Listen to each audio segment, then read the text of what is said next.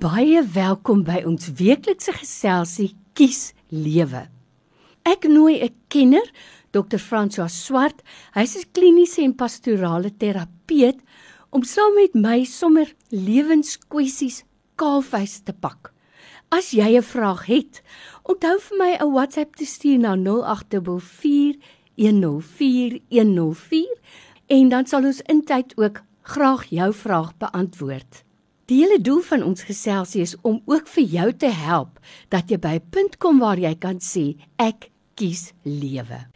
Dr. François, ek het 'n baie interessante vraag van 'n luisteraar gehad en ek dink dit is goed dat ons ook daaroor gesels. Dit gaan oor grense in die huwelik, gesonde grense. Wanneer is dit gesond vir 'n man of 'n vrou in 'n huwelik om 'n vriendskap te hê met 'n enkellopende persoon van die teenoorgestelde geslag. Is dit altyd verkeerd en ongesond en ook dan 'n persoon binne in 'n huwelik, 'n man of 'n vrou om 'n vriendskap te hê met 'n getroude paar wat nou nie vriende is met die ander persoon in die huwelik nie. Ek hoop dit maak sin. So kom ons praat oor gesonde vriendskappe in die huwelik.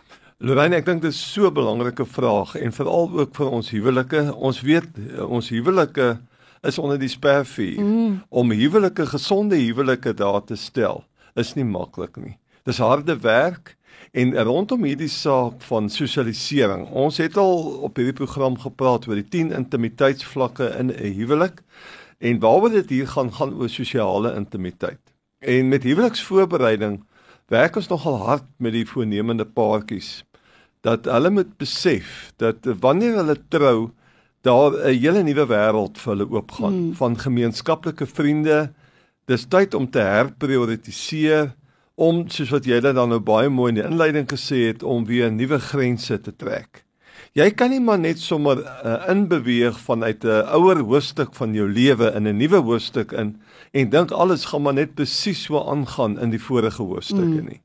Ons het 'n verantwoordelikheid teenoor mekaar en daarom as dit kom by vriende is dit belangrik dat jy en jou aanstaande of jou vrou dat julle saam sit en sê goed wie is ons vriende en dan moet daar 'n hergroepering kom van hmm. vriende dit moet verkieslik gemeenskaplike vriende wees en wanneer jy 'n vriendin sou wou hê sien nou maar dit is 'n ou skoolvriendin of so want dit gebeur of jy moet na 'n reunie toe gaan en daar's 'n koffiegeleentheid en so. Is dit baie belangrik dat jy jou maat baie deeglik daarvan sal inlig, ook gaan sê wat is die doel van die byeenkoms en nie werk met WhatsApps en sosiale platforms agter jou maat se rug nie. Mm.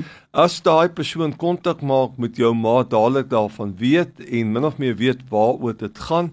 Dit is dit gaan net oor goeie maniere binne die huwelik. Dit gaan daaroor ook met 'n selfoon. As jy sit en met jou geliefde saam eet en daar kom 'n SMSD. Wat my verstom is dat 'n mens kyk en dan sit jy net die ding neer en jou maat wat oorkant jou sit wonder, nou van wie is dit nou? Absoluut. Jy het die verantwoordelikheid om die heeltyd jou maat wanneer jy met ander mense veral van die teenoorgestelde geslag in 'n proses inbeweeg dat 'n mens uh, regtig baie oop kaarte moet speel na jou maat toe.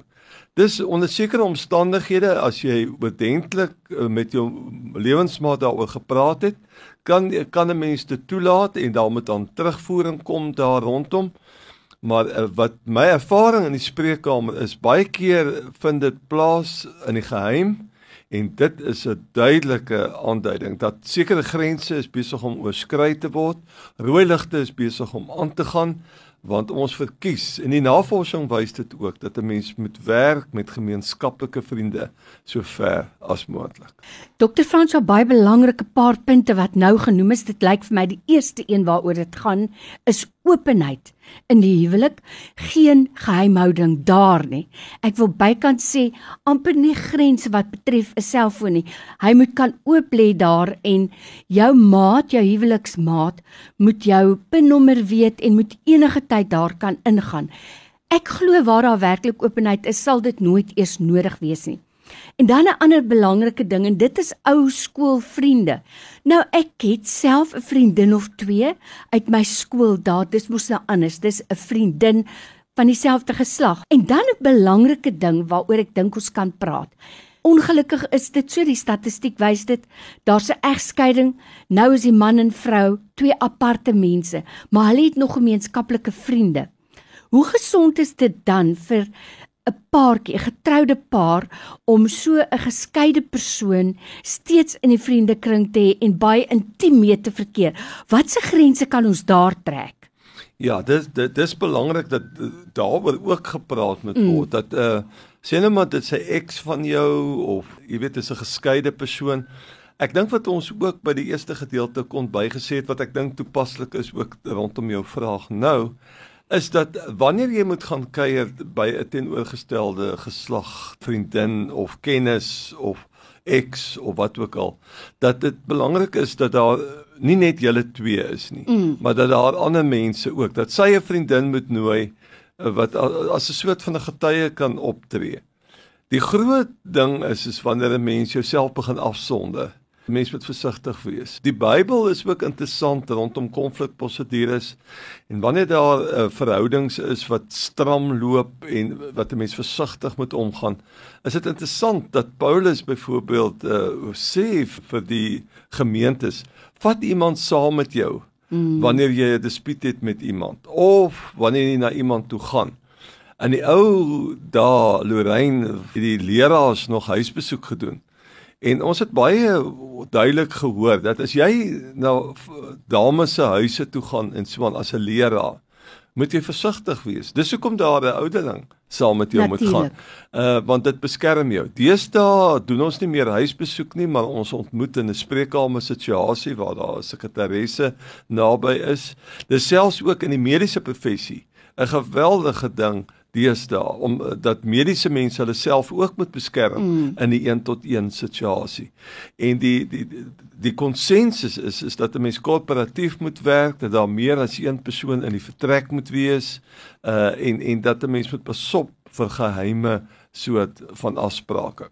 Rondom ekse of mense wat wat jy voorheen aan verbonde was en dinge het nie vir julle uitgewerk nie, moet so 'n vrou deel wees van jou lewe so 'n man baie keer is dit 'n moeilike saak want julle het al kinders saam verwek in die verhouding en toe het julle paai uitmekaar uitgeloop. Daar moet gesprekke wees tussen julle twee wat wat te doen het met die versorging van die kinders. Mm. Wat ons baie keer in spreekkamer verband uh adviseer is dat dis goed maar om op WhatsApp te werk. En hoekom moet 'n mens noodwendig in mekaar se teenwoordigheid wees? Mm. Jy kan ook met WhatsApp video call werk, maar die belangrike ding is daar's 'n rekord van die gesprek en uh uh veral WhatsApps wat nou nie met aan video gekoppel is nie. Mm. Weet jy, maar dit is waaroor die gesprek mm. gegaan het en dit beskerm dan alle partye. By my in die ateljee vandag weet ek vir dokter François Swart. Hy's 'n pastorale en kliniese terapeut en ons praat vandag oor 'n baie belangrike saak en dit is gesonde grense in die huwelik. Nou dokter François ten slotte As ek en my man nou vriende was met 'n man en vrou en hulle twee is nou geskei. Ons is nie geskei van hulle nie. Hulle is nog altyd ons vriende. Maar dit lyk vir my die goeie raad is wanneer die persoon uit daai geskeide verhouding nou wil kom kuier, dat ek en my man sal saam wees, dat dit altyd openlik is en dat ons nooit alleen sal ontmoet nie veral nie ek met 'n persoon van die teenoorgestelde geslag in daai verhouding nie. So dit lyk vir my openheid is hier, maar die gesonde ding om te doen en dit sal keer dat daar eintlik klein jakkalsies in my wingerd kan insluip. Reg? Is dit nie 'n pragtige uitdrukking wat ons in Afrikaans het nie? En eh, 'n uh, mens moet nou nie daar's 'n ander uitdrukking, ek weet nie of dit by die jong mense gehoor het nie. Jy moet nie die leeu in sy snorbaar uh, gryp nie. Hy kan vir jou hap. Mm. En ek dink as 'n mens met hierdie tipe goed werk en as 'n getroude, het jy 'n verantwoordelikheid teenoor jou vrou en ook teenoor jou gemeenskap en jou kinders vir 'n heerlike geselsie vandag vir en jou kosbare tyd. Ons is ewig dankbaar. Baie dankie. Dankie Lerain.